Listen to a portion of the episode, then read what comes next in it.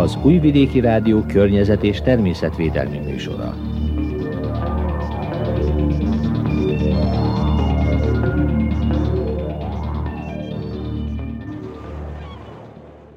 Nagy Emília köszönti az Újvidéki Rádió környezetvédelmi műsorának hallgatóit. A környezetvédelmi műsorban bonszájfákról hallhatnak. A szabadkai Kis József 2015 óta nevel bonszájokat, számára ez a tevékenység kikapcsolódás. Elmeséli, hogy honnan indult a növények szeretete, hogy milyen igényei vannak egy bonszájfának, és hogy mik a jövőbeli tervei.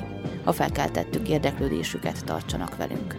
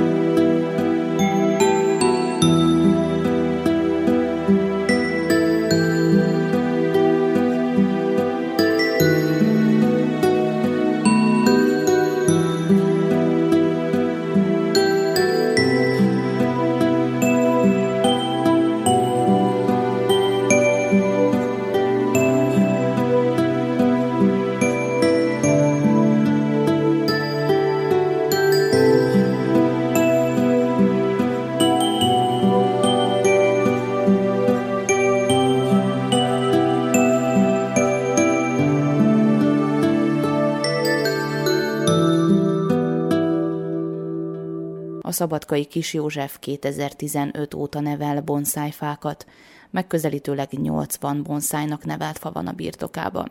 Már gyerekkoromban megvolt ez a, az állatok és a növények szeretete, természetfilmekből, meg otthon kert, gyümölcsészettel is foglalkoztunk, és minden érdekelt. És az az, hogy minden érdekelt, ha állat, ha növény, ami érdekes. Tehát nem csak az a kacsa vagy a nyúl, hanem hanem úristen, a szomszédom van egy pávája. És akkor ez, ez ezért a, a bonszájok is egy kicsit ilyen különlegesek, amik, amik megfogják az embert, rögtön az ember szemét, és rögtön elkezd gondolkozni, hogy az honnan ered, hogy az micsoda. És honnan sikerül beszerezni egy ilyen növényt? Mondjuk ezek már régebben, régebben hozzájuk jutott ezekhez. Igen. Amikor valaki elkezd egy hobbit, vagy valamivel foglalkozni, akkor van ez a, ez a túlbuzgóság, amikor hirtelen minden kell, mindent meg akar szerezni, minél előbb akar valamit, hogy az az övé legyen, és azon pedig minél előbb akar az ember látni előre haladást, amit ő ért el.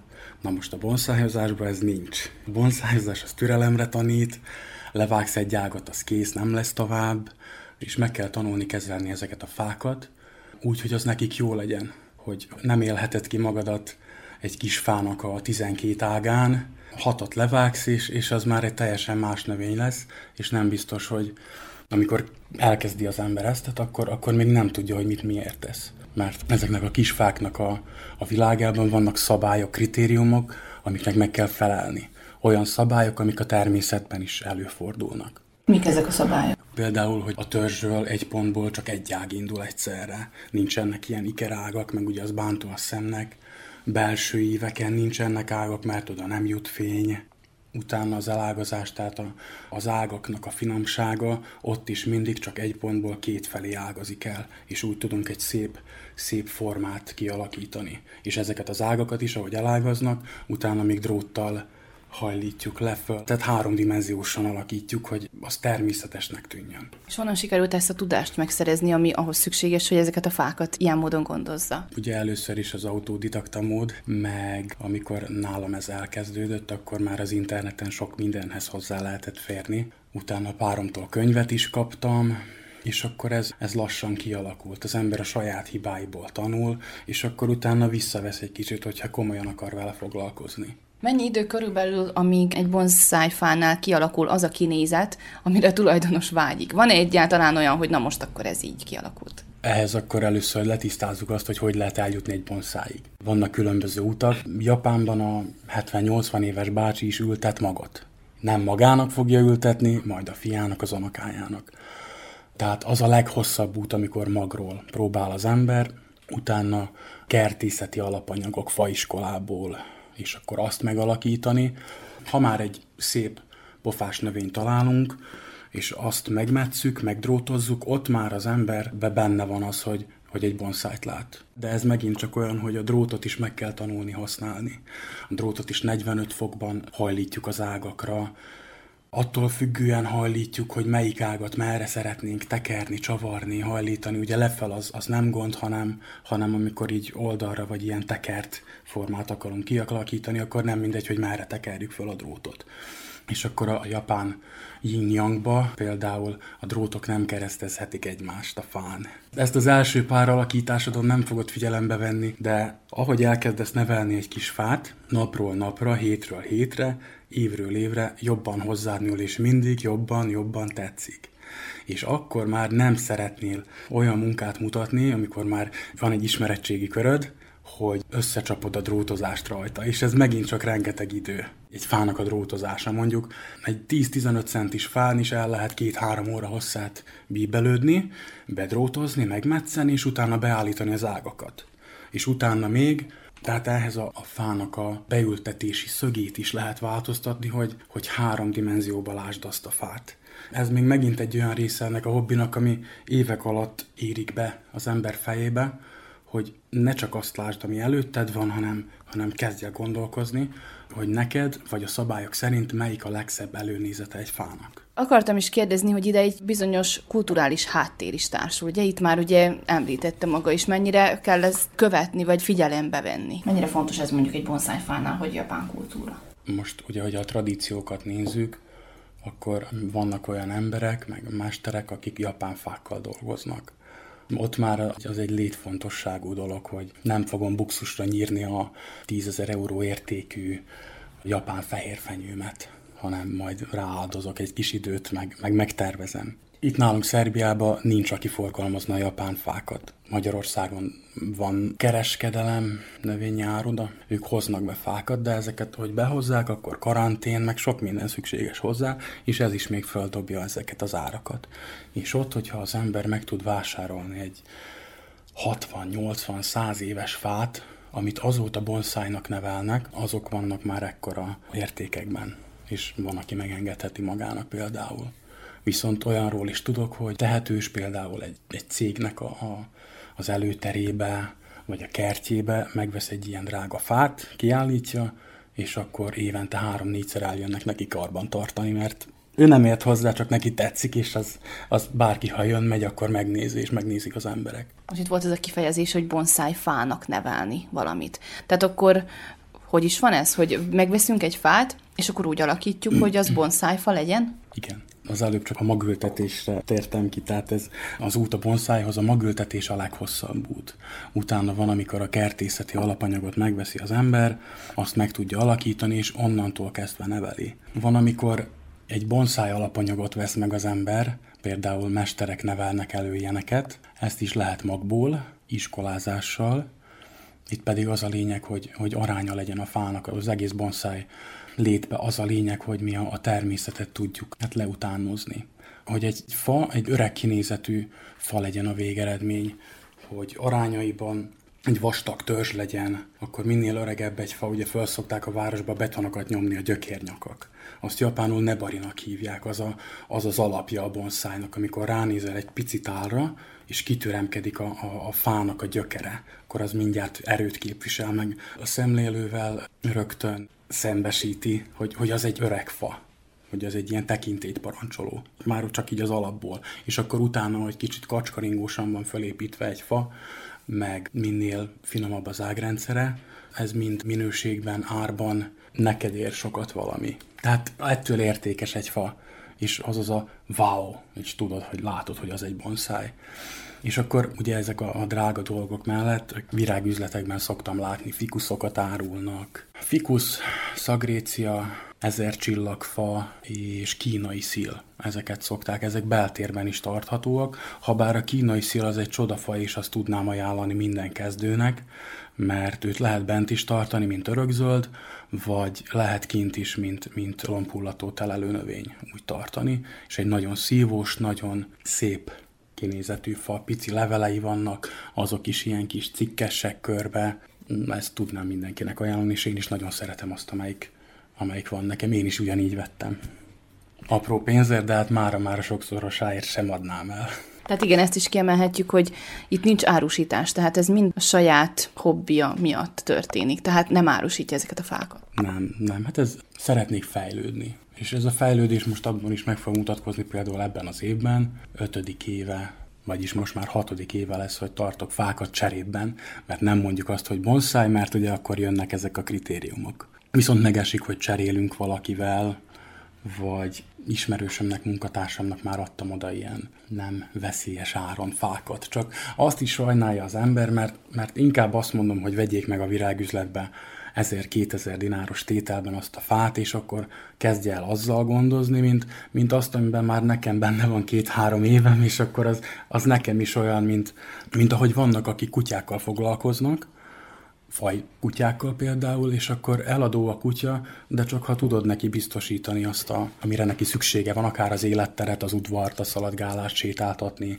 hogy nem minden áron eladó. A fák között, amik öregebbek, idősebbek, azok egyáltalán nem eladók.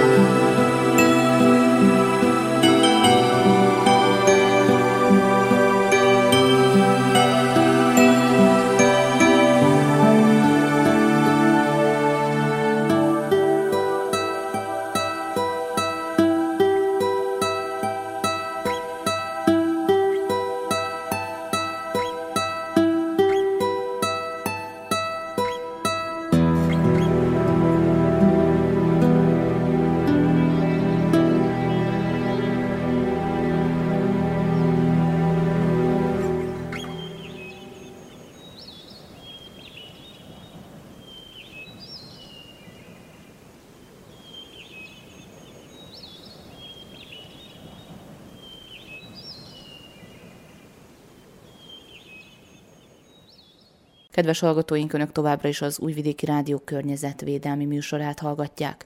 A folytatásban Kis József bonszájfa gyűjteményét mutatja be. Az imént körbejártuk, megnéztük ezeket a fákat, akkor mondjuk el, hogy mennyi minden van, mert tényleg nagyon széles a skála. Hát ha bonszájról beszélünk, akkor van kültéri meg beltéri. Én a beltérieket próbálom elkerülni, mert a teleltetés az, az egy kicsit kényes dolog náluk, a fikuszoknál van így is egy pár, de most egyelőre jó helyük van. Utána tehát a kinti, kinti és honos fák. A honos fák azért fontosak, mondjuk mediterrán fáknál ugyanígy a teltetés probléma lehet. Honos fák azért jók, mert ők kibírják azt a, az időjárást, ami itt nálunk szokott lenni. Ők itt élnek.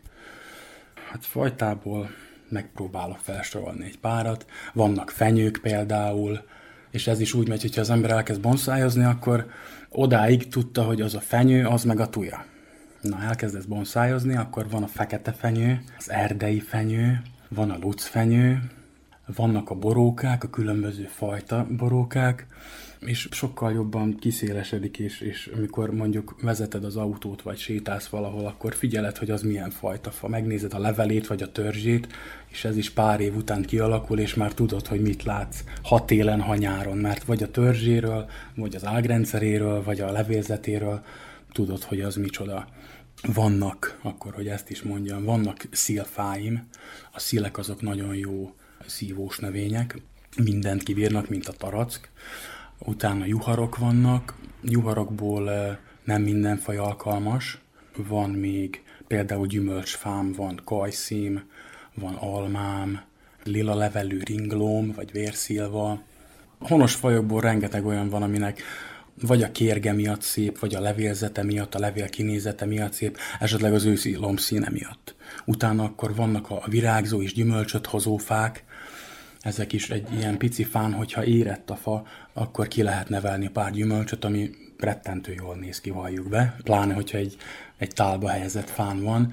És vannak mediterrán fáim is, van például pisztáciám, van hibiszkuszom, gránátalmám is van, van egy fajta örökzöld tölgyem, ami szintén mediterrán. Igazából ezt a mediterrán vonalat szeretném kicsit szűkíteni, még egy mutatós olajfa az, ami, ami jól jönne a gyűjteménybe, amit, amit szeretnék, és őket mondjuk még mínusz 5 fokig is lehet tartani, szóval nem muszáj annyira foglalkozni ezzel a teleltetős dologgal, meg ugye szintén, mivel, mivel örökzöld szüksége van a napra, és akkor olyan helyen kell teleltetni. És milyen táptalaj szükséges ezeknek a növényeknek? Gondolom, hogy mindegyiknek egyéni talán. Hát igen, ez a fafajta igényétől is függ, hogy mit rakunk a talajkeverékbe, a közegbe, de a, a bonszájoknál, amikor tálba kerülnek, akár nevelő tálba, vagy akár egy díszes tálba, akkor kell alulra tenni egy úgynevezett drén réteget, ami átereszti a nedvességet, szóval nem lesz pangóvíz, és ezáltal nem rohad be a, a, a gyökérzet. Maga a közeg pedig egy jól levegős, áteresztő közeg, amiben szerves és szervetlen talajokat egyaránt tudunk keverni, és, és ez is fajtától függ, hogy valami egy kicsit jobban szereti, hogyha szárazabb, vagy van, ami szereti, hogyha párásabb a gyökere. Ugye vannak japán ültető közegek is, itt mindig mindenre oda térünk, ami japán, akár szerszámok is. Ezek a legjobbak és ezek a legdrágábbak. Viszont vannak alternatívák, a szerszámokban is ki tudunk alakítani minden, tehát hétköznapi szerszámokból olyan szerszámokat, amikkel tudunk bánni, amivel tudjuk gondozni a fáinkat. Egy-két olyan szerszám van, amit jó, hogyha meg tudunk venni, ezek az ágvágó és a gömbvágó, hogyha egy ágat kivágunk a törzsről, akkor ha egy ilyen fogóval vágjuk ki, akkor sokkal szebben be fog gyógyulni, mint egy sebészi vágás. Minél élesebb, ne csupáljuk, ne legyen nagy seb belőle. Azt is elmondhatjuk a hallgatóknak, hogy kisgyermek is van a házban, ugye?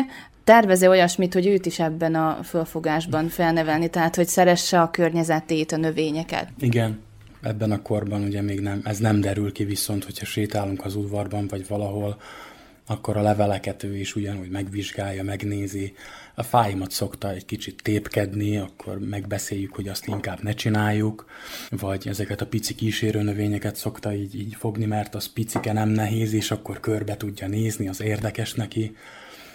Amikor még bójás volt, babakocsiban, amikor így el lehetett még ringatni, meg aludt, akkor sokszor voltunk kint, hogy megmetszettem két-három fát, és ő addig aludt, vagy volt, hogy nézte, akkor ráunt, akkor ráhagytam én is, akkor sétáltunk tovább. Hát szeretném így nevelni, de nem szeretném ráerőszakolni például ezt a bonsai vonalat. Egy két éves kislányom van, és nyáron kapja a kis testvért, aki még nem tudjuk, hogy milyen nemű lesz, meglátjuk. Ugye mivel már egy pár éve foglalkoztat ez a, ez a hobbi, jött az ötlet, hogy össze kellene szedni az embereket, akik ugyanazt csinálják. És egy asztalosról szereztem tudomást, aki foglalkozik ezzel, de nem is ismertem, nem is tudtam ki ő, azt se tudtam hová valósi. A, a nővéremen keresztül ő ott valami asztalos munkát csinált náluk, akkor megkaptam a számot, és spontán fölhívtam, hogy Szevasz, Józsi vagyok, bonszájozok. Innentől kezdve szerintem fél órát beszélgettünk telefonon, és megbeszéltük, hogy jó, oké, akkor ő ismer még valakit, és innen kezdődött ez. Ugye csináltunk egy Facebook csoportot is, hogy akik most kezdik el, nekik valamivel könnyebb legyen, hogy tudjunk segíteni a tapasztaltabbak. Kitaláltam, még annól, amikor elkezdtem bonszájozni, akkor már így, így érdekelt, hogy vajdasági bonszáj, hogy milyen lenne egy vajdasági bonszáj, hogy milyen fafajta is, és mondjuk egy teljes köcsök félbevágva, vagy valami ilyen, ilyen autentikus. És akkor lett egy ilyen, hogy vajdasági bonszáj csoport, és lett egy vajdasági bonszáj baráti kör. Most ennek a baráti körnek 8 aktív tagja van, és 19-ben találkoztunk először, először csak találkoztunk, ismerkedtünk, beszélgettünk, és utána már workshopokat csináltunk, tehát műhely munkát, ahol megasszuk egymással a tapasztalatainkat, kikérjük egymás véleményét, és ez egy ilyen baráti légkörben folyik le, egy ilyen, hát nem egy egész nap, de, de reggeltől délutánig egy, egy kiadós ebéd, beszélgetések is, és, és jól érezzük egymást, mert olyan emberekkel vagyunk körülvéve, akik ugyanolyan bolondok, mint mi a növények iránt jó értelemben. Beszéltünk a vajdasági csoportról. Vannak-e olyan emberek, akik külföldiek, vagy mondjuk mm. kicsit közelebb Magyarországon vannak-e olyan tagok, akikkel, vagy nem is muszáj csoporttagok, de hát ismerősök, akikkel ugyanez a téma? Igen, igen van, és aktívak is vagyunk, igyekszek én is átogatni külföldre, ahová tudok. Ugye Magyarországon most ott is vagyunk egy tizen páran, akik, akik jó barátok már három éve, és igyekszünk haladni, meg fejleszteni magunkat ebben a témában. Viszont ugyanúgy a környező országokban, szlovén, horvát, mindenhol vannak ilyen kicsit kimagasló tehetségek, akikhez még el szeretnék jutni.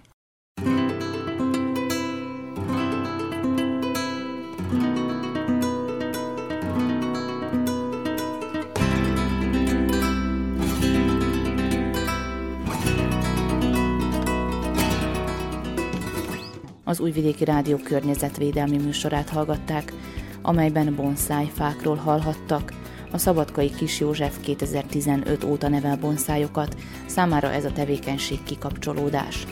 Elmesélte, hogy honnan indult a növények szeretete, hogy milyen igényei vannak egy bonszájfának, és hogy mik a jövőbeli tervei. A munkatársak nevében Nagy Emília köszöni meghallgatóink figyelmét. A Horizonttal továbbra is csütörtökön 17 óra 35 perckor, valamint az ismétlésben a vasárnapi éjszakai műsor után jelentkezünk ismét. Számítunk a figyelmükre.